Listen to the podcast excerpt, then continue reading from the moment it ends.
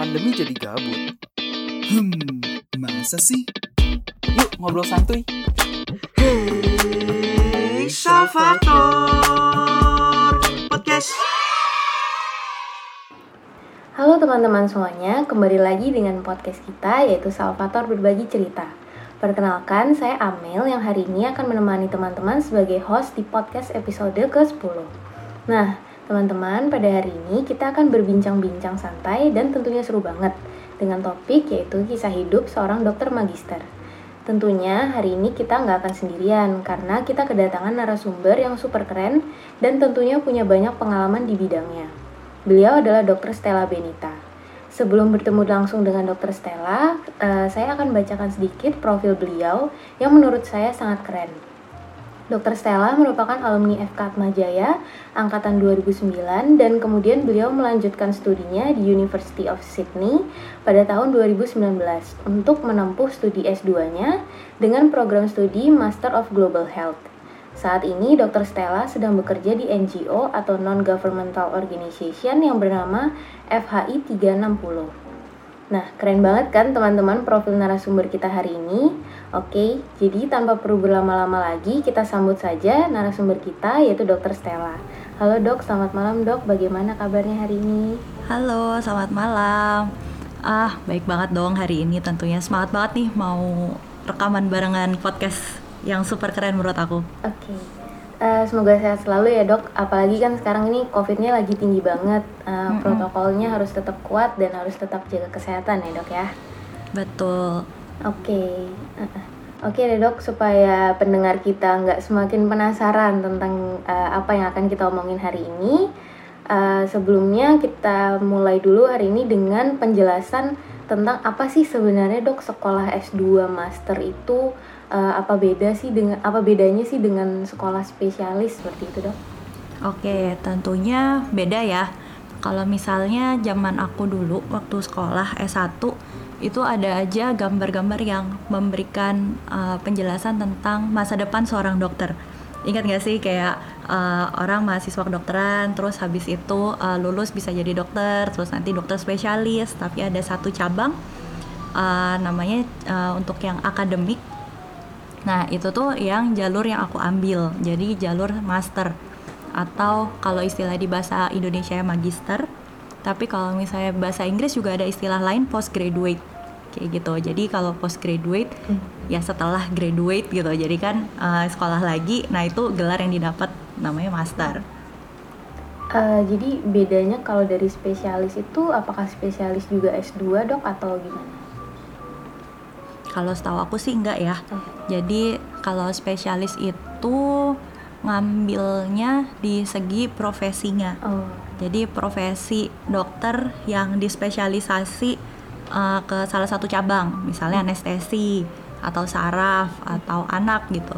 Sedangkan nanti kalau misalnya dokter spesialis mau ngambil S2 juga bisa. Kayak gitu. Jadi kan ada ada beberapa dosen kita yang doktor atau yang ada gelar S3 gitu mereka pasti sudah lewat S2 oh, dulu. Iya, iya betul. Oke. Okay.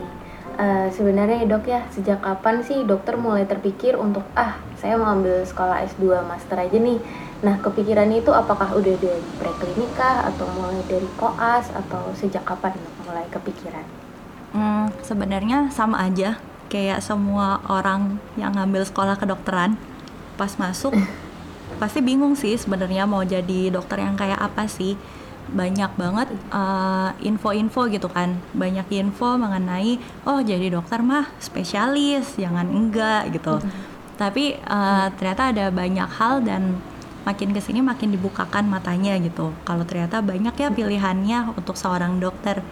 Nah sejujurnya aku kepikiran untuk ambil master itu belum lama. Jadi pas udah selesai internship sudah bekerja itu baru kepikiran uh, kayaknya ngambil master aja deh kayak gitu. Tapi kalau hmm. misalnya bidangnya yang aku ambil sekarang aku sudah sempat kepikiran dari koas. Oh itu terinspirasi dari mana dok? Pengen ngambil itu?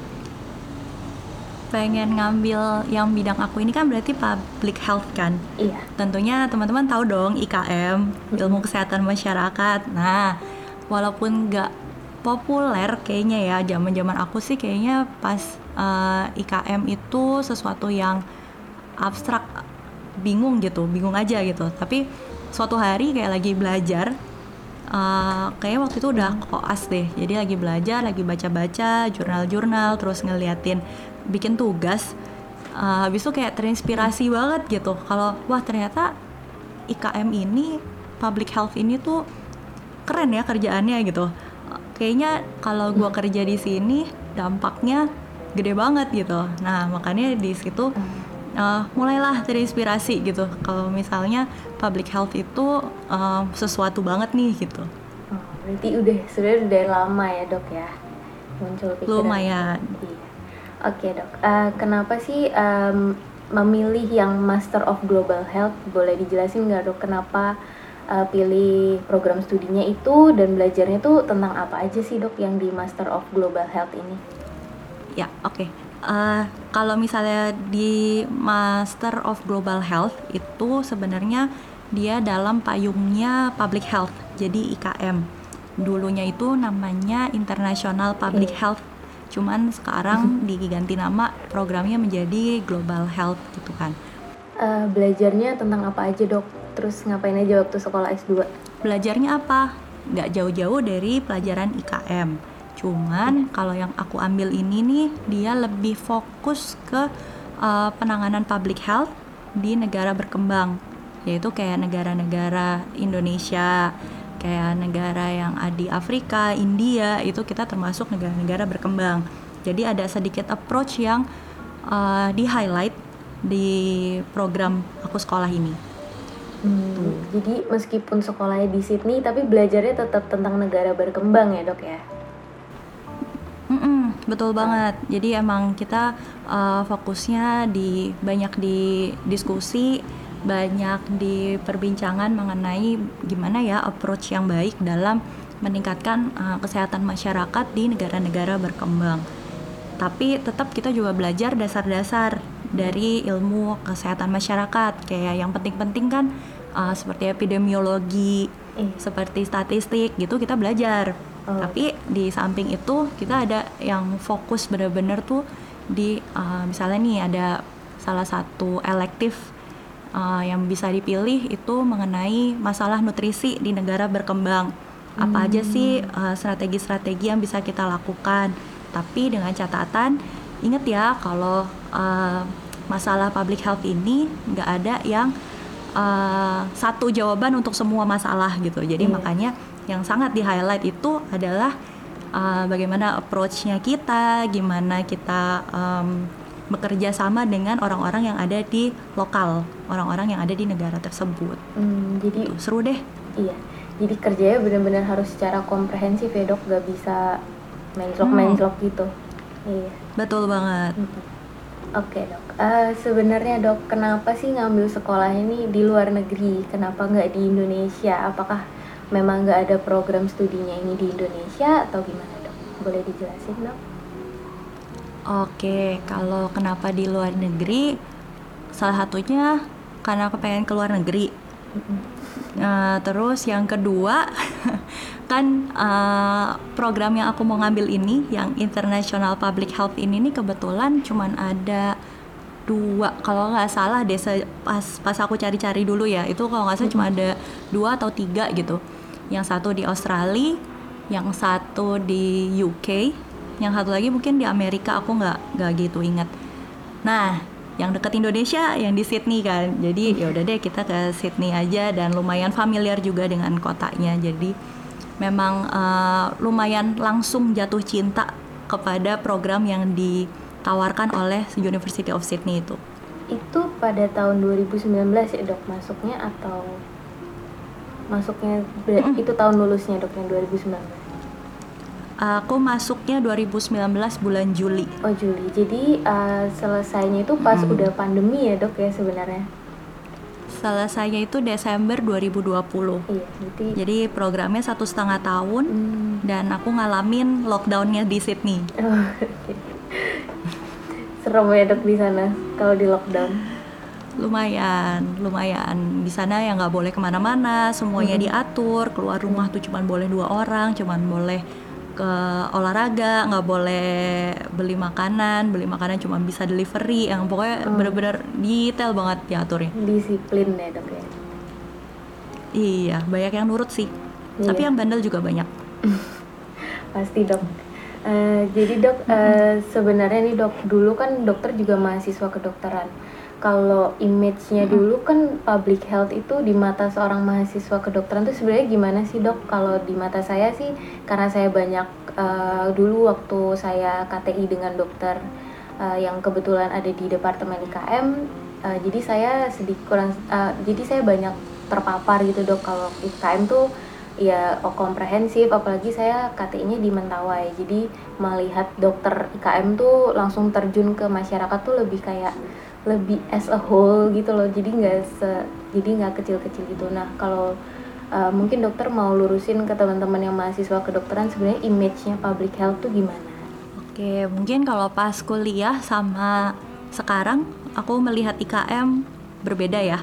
Kalau dulu kok kayaknya agak bingung gitu. Ini apa sih? Ini kenapa sih kok aku mau jadi dokter praktek tapi kok jadi disuruh belajar program puskesmas, disuruh belajar data, disuruh belajar apalagi tuh. Banyak deh kan zaman-zaman kita dulu UKS juga kan gitu. Terus buat apa gitu kan? Tapi uh, seiring berjalannya waktu banyak belajar banyak masukan yang aku tangkap sih memang yang tadi kata kuncinya adalah komprehensif jadi bagaimana kita approach kepada masyarakat uh, dengan komprehensif melihat uh, program-program kesehatan di masyarakat yang emang harus pendekatannya itu komprehensif gitu. Bukan cuman uh, orang per orang. Banyak hal uh, aku paling seneng kalau Iya. ngomongin soal nutrisi gitu. Kayak di podcast aku juga kan uh, yang terakhir kita sempat bahas tentang uh, malnutrisi di mana ternyata malnutrisi itu masalah yang emang akarnya tuh banyak gitu dan emang dibutuhkan um, pemikiran yang komprehensif. Makanya makin ke sini tuh aduh kok makin makin seru ya IKM itu. Kalau misalnya um, apalagi oh sekarang lagi pandemi gitu kan. Dari pandemi ini kita melihat bagaimana peran uh, public health itu sangat uh, bekerja di sekitar kita gitu. Di mana um, approach kita harus yang benar-benar menyeluruh terus habis itu buat bilang ke masyarakat kita butuh pakai masker aja itu kan juga butuh strategi gitu yang banyak gitu. Dan dan setiap level masyarakat pun beda approach-nya gitu. Jadi itu Iya. sesuatu yang bermain-main dengan strategi sebenarnya. Dan uh, gak melulu soal uh, data atau SPSS atau uh, apalagi ya kalau dulu IKM kayaknya udah sih itu aja sih antara data atau SPSS tapi ternyata ada banyak hal lain yang di luar itu Hmm. Baik, jadi eh, sebenarnya banyak di luar data dan SPSS ya. Mungkin yang preklinik mikirnya kayak ah SPSS doang nih di KM kayak gitu. Mm-mm, Iya. betul Benar sih dok. Eh, jadi untuk sebenarnya tips dan trik dok memilih sekolah master yang diinginkan kayak apa sih yang dulu dokter siapin? Eh, apakah daftar sendiri atau ada eh, tips and triknya untuk biar lebih gampang daftarnya, nggak lebih pusing gitu. Kemudian eh, untuk tesnya itu yang disiapin apa aja dok waktu dokter mendaftar? Oke, kalau misalnya untuk prepare kayak gitu-gitu, yang penting pertama harus tahu passionnya apa, maunya ngambil yang mana. Kayak kalau misalnya aku, aku udah tahu aku mau yang uh, Master of Global Health itu setelah research-research gitu, cari-cari ngambil master di luar negeri apa ya yang yang menarik gitu, terus lihat-lihat. Uh, karena kalau misalnya mau ngambil di luar negeri itu rata-rata semua informasi ada di website Nah, itu bisa dengan mudah sebenarnya kita cari-cari. Nah, paling eh, pertimbangan-pertimbangannya kalau aku waktu itu eh, sempat dibantu oleh agent karena pengen cari yang gampang, tapi sebenarnya eh, itu bisa aja cari sendiri, daftar sendiri kayak gitu. Cuma kalau misalnya lewat agent kadang-kadang dia kasih diskon-diskon gitu loh. Jadi lumayan bisa bisa apa kayak biaya pendaftarannya dikurangin lah, apalah gitu. Jadi lumayan Hmm, gitu. Oh ya, waktu- untuk yang disiapin, Iya. yang disiapin itu sebenarnya nggak jauh-jauh dari berkas pada umumnya. Uh, ijazah, terus paspor, terus harus kalau misalnya udah keterima kan kita harus siapin visa karena kita ke luar negeri kayak gitu. Eh, waktu itu IPK gitu mempengaruhi atau gimana nggak dok? Atau tidak dilihat sama sekali dok? Harusnya dilihat ya. Dilihat Kalau dari uni, soalnya aku ada pernah dengar orang-orang yang ngambil uh, S2 di satu tempat tapi nggak keterima gitu. Jadi Oh. kan berarti ada some kind of standard gitu kan yang dipakai Iya. oleh setiap mahasiswa dan oh sorry setiap universitas. Nah kadang-kadang tuh uh, dia lihat-lihat juga nih universitasnya kita waktu S1 itu uh, reputasinya di mata dunia tuh bagaimana? Apakah diakui dunia atau enggak? Itu sangat mempengaruhi. Dan aku yakin Atma Jaya uh, kita diakui kok di luar negeri. Iya dok. Oke. Jadi kita keren kok. Iya dok. Eh, waktu itu eh, dokter lulus eh, sekolah satu setengah tahun, setengah tahun terus lulus, kemudian mendapat gelar master. Nah itu dokter kan eh, apa langsung pulang atau tetap menetap di Sydney dulu atau gimana dok? Kegiatannya waktu itu gimana? Atau menunggu kelulusan atau? langsung Oke. bekerja? Kalau di Sydney itu kan eh, rata-rata kita akan terhambat untuk tinggal lama-lama di Sydney itu tuh karena masalah visa gitu kan. Nah, visa itu eh, ini aku ngomong kalau di Sydney eh, di Australia kita visa itu bisa apply visa kerja kalau misalnya sekolahnya 2 tahun minimal. Jadi kalau misalnya sudah dua tahun, kamu bisa apply untuk eh, temporary residentship. Jadi untuk mencari kerja di sana. Tapi sayangnya sekolah aku cuma satu setengah tahun. Jadi sudah selesai ya sudah. Memang saatnya pulang ya udah pulang. Aku waktu itu visa sebenarnya habis di bulan Maret, tapi aku dari bulan Desember udah pulang. Jadi karena satu dan lain hal, karena COVID juga, jadi ya udahlah pulang Hmm. akhirnya pulang eh, ya udah di Iya. Indonesia deh sampai sekarang itu langsung pulang terus langsung bisa bekerja atau gimana dok? Waktu itu? nah Atau aku nunggu-nunggu lagi? sempat nunggu beberapa bulan sambil nyari-nyari kerja jadi prosesnya Hmm. itu udah pulang aku udah apply apply kerja waktu bahkan waktu masih di Australia belum pulang pun Iya. aku udah apply apply kerja udah cari-cari soalnya kan lagi covid takutnya cari kerja juga susah jadi ya udah aku mulai cari-cari dari sana terus ya puji Tuhan bisa dapat pekerjaan dan ya udah sampai sekarang deh Hmm, Sekarang kan dokter kerja di NGO ya dok ya. Nah Mm-mm. boleh diceritain dikit nggak dok kerjanya di sana ngapain aja? Terus eh, apakah tetap bisa praktek di klinik atau sekarang dokter udah sama sekali nggak praktek? Gitu. Eh, Oke, kalau ini aku memang memilih untuk eh, nggak praktek dulu untuk sekarang, karena kebetulan di tempat kerja aku juga itu pekerjaannya full time, Oh. jadi dari jam jam 8 sampai jam 5 Nah, jadi pekerjaan aku itu sebagai technical officer dalam project uh, HIV. Nah, NGO di tempat aku ini adalah partner dari Kementerian Kesehatan dalam program HIV. Jadi, karena program kita ini fokus kepada uh, HIV di DKI Jakarta dan sekarang kita sedang perluasan ke Greater Jakarta. Jadi pekerjaannya nggak jauh-jauh tuh dari dengan dinas kesehatan atau dengan uh, Sudinkes. Nah, kegiatan sehari-harinya adalah uh, kita memberikan technical assistance kepada layanan-layanan di DKI Jakarta itu.